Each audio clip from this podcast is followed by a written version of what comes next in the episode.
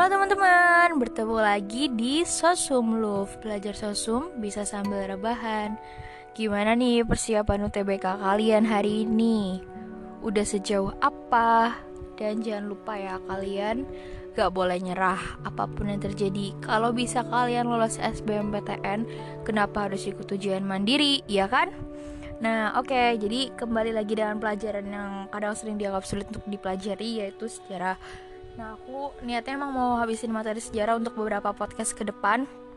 Lalu kita akan coba move ke geografi, kalau aku nggak salah ya. Uh, geografi.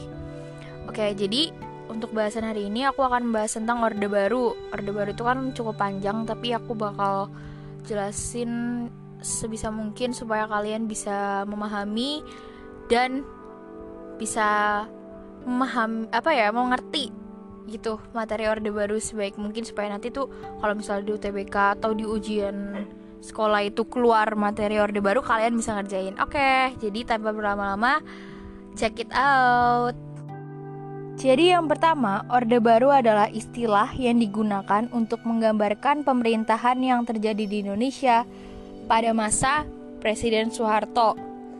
Presiden Soeharto mulai menjalankan pemerintahan Orde Baru sejak ia mendapatkan mandatnya melalui peristiwa Super Semar atau Surat Perintah 11 Maret yaitu yang terjadi setelah gerakan G30 SPKI di tahun 1965. Orde Baru dimulai dengan tekad untuk mengabdi kepada kepentingan rakyat dan negara yang didasari Pancasila dan UUD 1945 uh, era Orde Baru ini juga secara nggak langsung dibuat untuk menyikapi atau mengatasi penyimpangan di masa Orde Lama. Orde Lama itu siapa? Masanya Presiden Soekarno. Berbagai kondisi lain seperti ekonomi yang terpuruk dengan tingkat inflasi mencapai 600% itu benar-benar gila banget ya inflasinya uh, sampai 600% loh, berarti 6 kalinya 100%. Terus munculnya tritura, uh, yang dilatar belakangi G30 SPKI seperti yang kita tahu isi Tritura itu kan salah satunya itu hapuskan komunisme, komunis dan ormas-ormasnya gitu, PKI dan ormas-ormasnya dan lain sebagainya yang pastinya itu menurunkan tingkat kepercayaan masyarakat kepada pemerintah pada masa Orde Lama. Nah, era sistem pemerintahan Orde Baru ini Tahunnya dimulai sejak 23 Februari 1966 sampai 21 Mei 1998. Sistem pemerintahannya presidensial, bentuk pemerintahannya republik, dan UUD 1945 sebagai dasar konstitusi yang berlaku. Kalau secara sistem, Orba ini tidak memiliki perubahan berarti dari era sebelumnya tetapi tetap ada perbedaan dong yang bisa dilihat dari masa Orde Baru yang diubah diubah karena dianggap sebagai penyimpangan di masa Orde Lama. Misalnya uh, itu jabatan presiden seumur hidup dan belum adanya MPR, DPR dan DPA yang sah. Uh, lalu sistem pemerintahan Orde itu mengubah tatanan kehidupan rakyat dan negara berlandaskan kemurnian pelaksanaan Pancasila serta UUD 1945. Beberapa pokok sistem pemerintahan pada masa Orde Baru itu tercantum pada penjelasan UUD 1945, yaitu yang pertama, Indonesia adalah negara hukum yang menganut sistem konstitusional. Yang kedua, kekuasaan negara tertinggi berada di tangan MPR. Yang ketiga, presiden adalah penyelenggara pemerintahan negara tertinggi dan berada di bawah MPR. Yang keempat, Menteri adalah pembantu presiden dan tidak bertanggung jawab kepada DPR. Yang kelima, presiden tidak bertanggung jawab kepada DPR. Yang keenam, kekuasaan yang dimiliki kepala negara atau presiden tidak terbatas.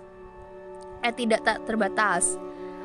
Lalu kekuasaan dipegang penuh oleh presiden dan walaupun pada awalnya kehidupan demokrasi ini menunjukkan kemajuan, tapi dalam perkembangannya gak jauh beda sih sama masa demokrasi terpimpin. Kalau dulunya pemerintah Indonesia pada masa Orde Baru ini berniat menjalankan demokrasi Pancasila dan memutuskan sistem berdasarkan trias politika, tapi hal tersebut juga nggak berlangsung dengan baik. Jadi kayak apa ya wacana gitu loh. Terus Orde Baru itu kan bertujuan untuk melaksanakan Pancasila dan UUD 1945 secara murni dan konsekuen. Terbukti sih dari beberapa peraturan yang bikin UUD 1945 itu jadi konstitusi yang sangat sakral yaitu apa aja. Uh, salah satunya itu UU nomor 5 tahun 1985 mengenai referendum yang menjadi suatu pelaksanaan dari TAP MPR sebelumnya. Nah, lalu uh, kalau yang pertamanya itu TAP MPR nomor 1 garing MPR garing 1983 menyatakan bahwa MPR telah menetapkan untuk mempertahankan UUD 1945 dan tidak akan berubahnya. Jadi uh, eh, MPR tetap memegang teguh UUD 1945 gitu ya. Nah, dalam sistem pemerintahan masa Orde Baru juga dilakukan perampingan partai-partai politik, maksudnya penyederhanaan ya kalau kalian nggak tahu perampingan gitu.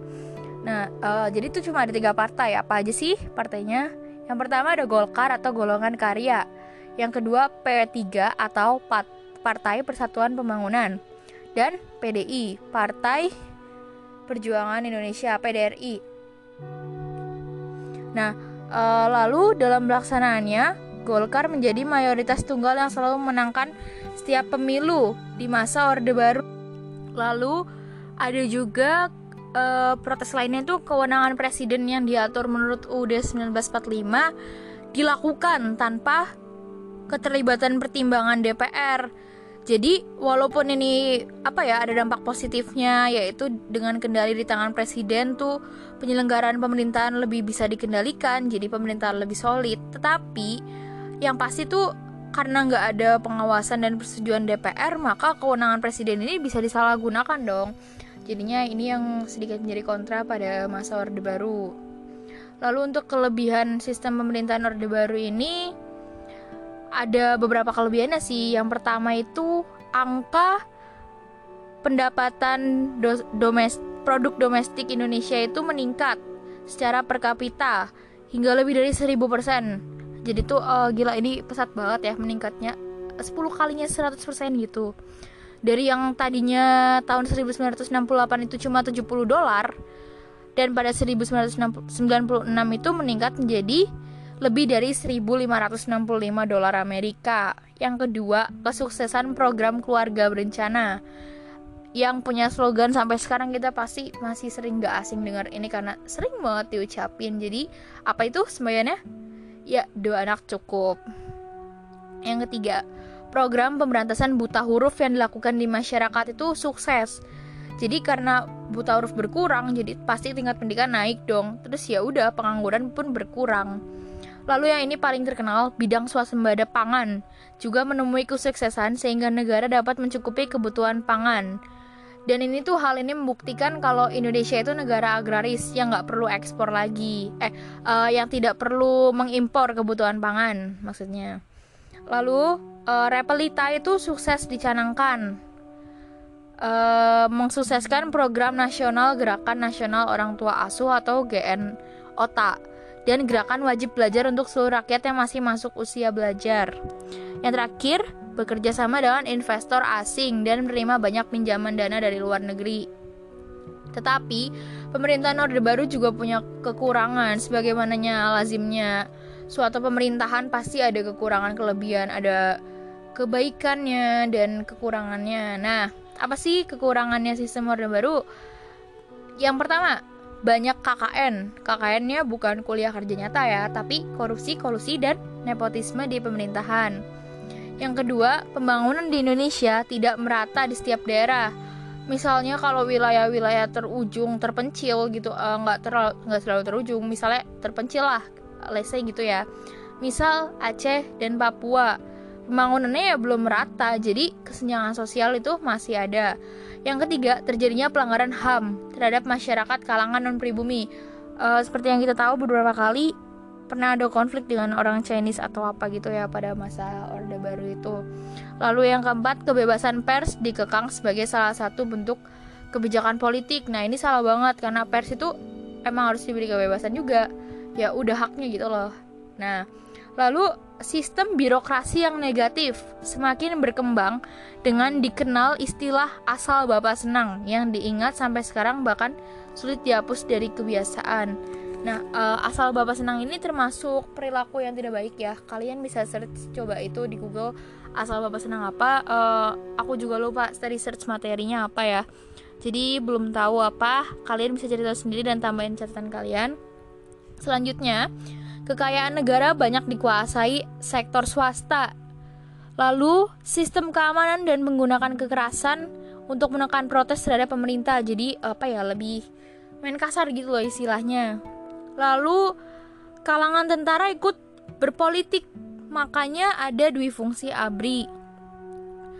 Selanjutnya, kekuasaan satu pihak atau presiden berkelanjutan dan termasuk otoriter, tanpa adanya tanda-tanda akan peralihan kekuasaan.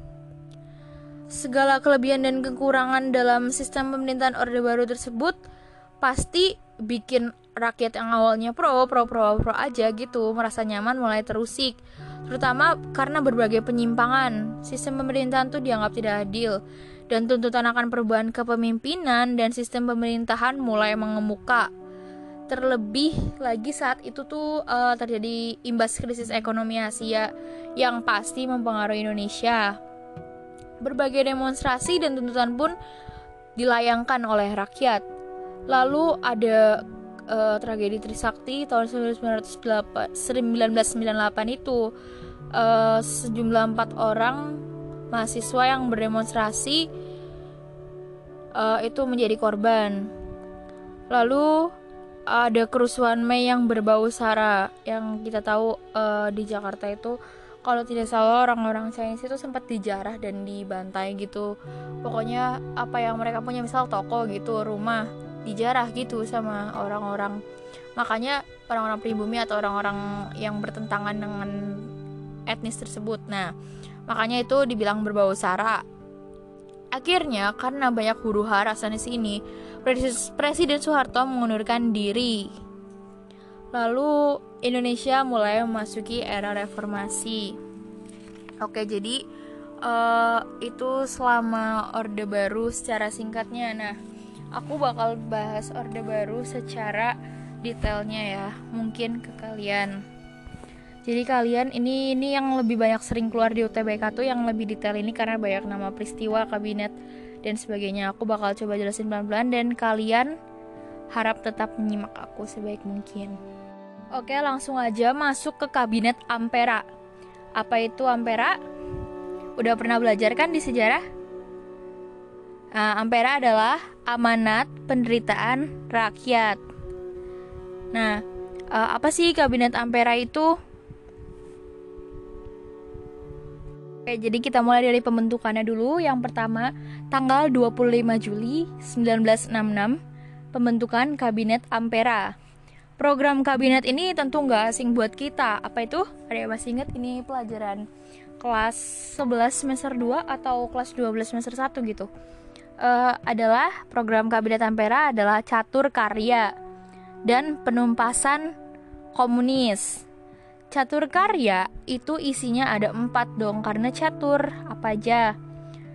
Uh, yang pertama adalah memperbaiki kehidupan rakyat. Yang kedua, politik luar negeri bebas aktif. Yang ketiga, pelaksanaan pemilu. Yang keempat, melanjutkan perjuangan anti kolonialisme dan imperialisme.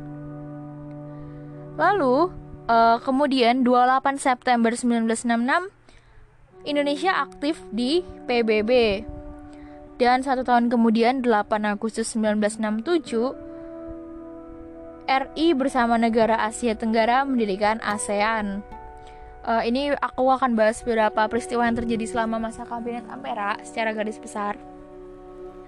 Lalu ada tuh tanggal 1 Oktober 1967 pembekuan hubungan Indonesia dengan RRC. Loh, emangnya ada masalah apa sih kok sampai membekuin hubungan antara RRC Indonesia dan RRC? Nah, ini dia alasannya. Karena Indonesia itu kan e, negara non-blok ya, nggak memihak blok barat atau blok timur. Tetapi RRC ini memberi bantuan dan dukungan komunis ternyata. Jadi kalau misalnya dekat sama RRC, dikira Indonesia pro komunis juga gitu. Terus teror yang dilakukan terhadap anggota kedutaan besar RI di Peking. Uh, jadi ini ada orang yang bekerja di KBRI di Peking itu di Peking Cina ya maksudnya itu tuh uh, ada dapat teror gitu loh. Nah terus perlindungan kepada tokoh-tokoh PKI di luar negeri. PKI itu apa? Partai Komunis Indonesia. Nah Cina ini di sana kayak melindungi PKI yaitu lagi-lagi melindungi kaum komunis seperti itu. Lalu tahun 1968 tanggal 14 Februari waduh wede pas pas apa nih? Pas Valentine ya. Itu ada pengesahan Parmusi Parmusi itu apa? Partai Muslimin Indonesia. Dan uh, selanjutnya masih ada lagi nih tanggal 24 Maret sampai 4 Agustus 1969 diadakan PPRA PPRA itu apa? Penentuan pendapat rakyat. Tujuannya untuk uh, merundingkan Irian, Jara, Irian Jaya atau Irian Barat Papua dan opsi mau bergabung dengan RI atau membentuk negara sendiri. Dan akhirnya dijawab sama Irian Jaya itu tadi uh, pada November 1969 bahwa dia menjadi wilayah RI secara sah sesuai dengan hasil PPRA.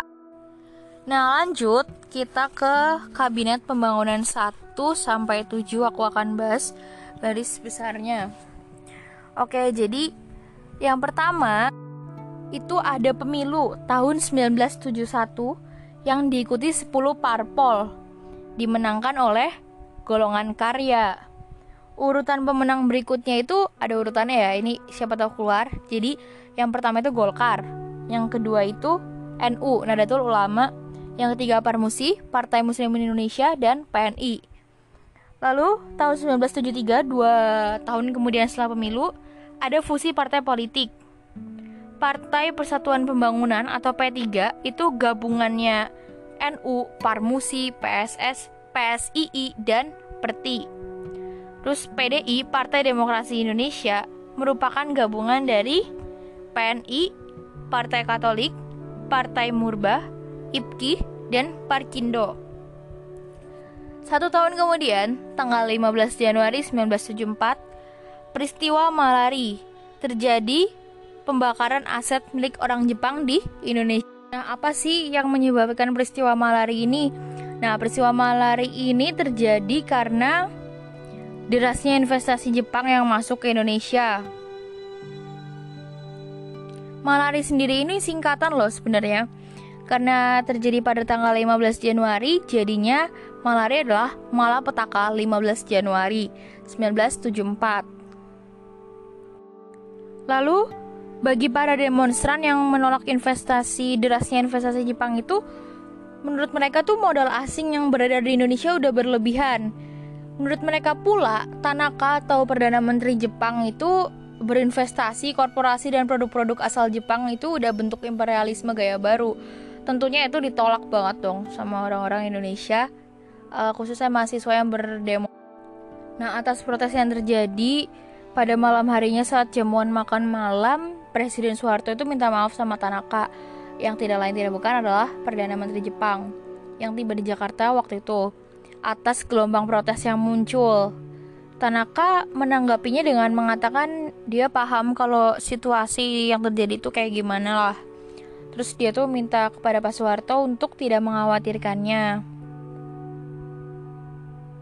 Karena peristiwa malari ini terjadi di Jakarta, jadi pada tanggal 16 Januarinya satu hari setelah peristiwa Malari itu Gubernur DKI Jakarta saat itu yaitu Ali Sadikin resah dan dia akhirnya uh, bersama temannya yaitu Hariman mengimbau di siaran Hariman di siaran TVRI. Siaran itu apa?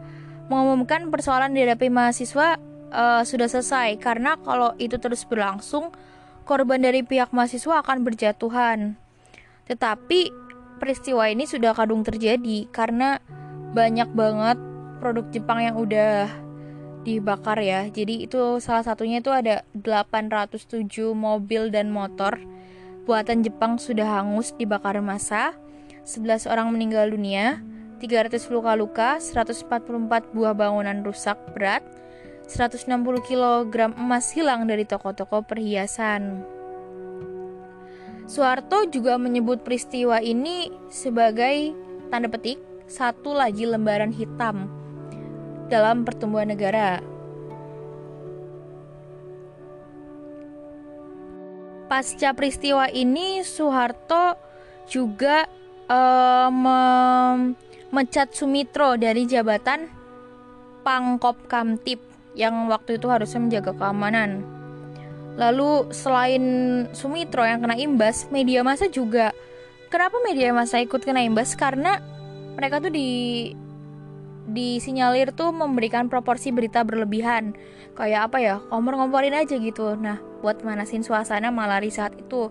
Nah uh, kalau kalian merasa ini penting kalian boleh catat uh, nama-nama media massa yang di berdel pemerintah. Jadi itu harian abadi.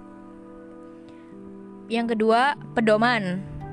Yang ketiga Indonesia Raya. Yang keempat harian kami. Dan The Jakarta Times. Lalu pada 12 April 1976, Presiden Soeharto mengemuka, mengemukakan gagasan mengenai pedoman untuk menghayati Pancasila yang terkenal dengan nama Eka Prasatya Pancakarsa atau Pedoman Penghayatan dan Pengamalan Pancasila atau P4 ini semacam PPKN zaman dahulu pada 5 Mei 1980 itu ada petisi 50. Petisi 50 itu apa? Uh, dokumen yang isinya tuh protes penggunaan filsafat negara Pancasila oleh Presiden Soeharto terhadap lawan-lawan politiknya. Jadi dengan kata lain petisi 50 ini ungkapan keprihatinan yang ditandatangani oleh 50 orang tokoh terkemuka Indonesia.